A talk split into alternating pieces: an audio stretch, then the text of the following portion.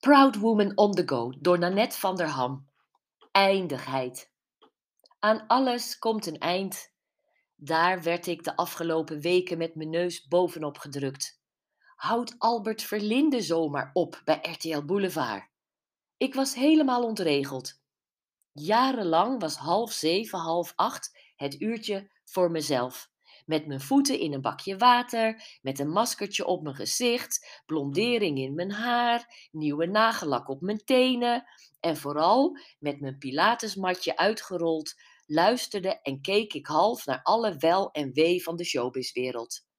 Veel leuker dan Nieuwsuur of Eén Vandaag, waar natuurlijk de echte malaise wordt getoond.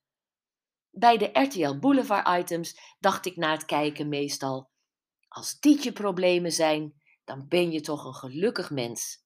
Waarna ik, me gezegend voelend, een kop thee klaarmaakte en overging tot de orde van de dag. Maar goed, alles is eindig. Weet je nog de laatste aflevering van Gooise Vrouwen? Oh, en hel, die van Beverly Hills 90210 en van Friends. Het afscheid van ABBA, de laatste foto's van Princess Di. Ik kan er zo slecht tegen allemaal. Trauma uit mijn jeugd en een bovenmatige vorm van gehechtheid aan licht en luchtigheid, denk ik. Deze zomer heb ik zelf een aantal dingen beëindigd. Zoals het gebruik van deodorant.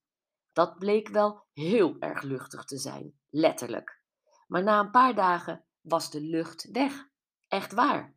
Ik ga zonder deodorant nu reukloos door het leven. Maf toch? En de relatie met mijn uitgever. Beëindigd. Een berg kracht en zelfstandigheid voor teruggekregen.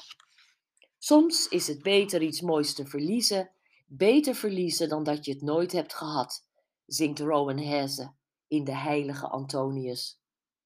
Eens. Volgende week eindigt de podcast Proud Woman on the Go. Ze worden allemaal gebundeld in een boek en op Spotify. Zo is een einde ook weer een begin.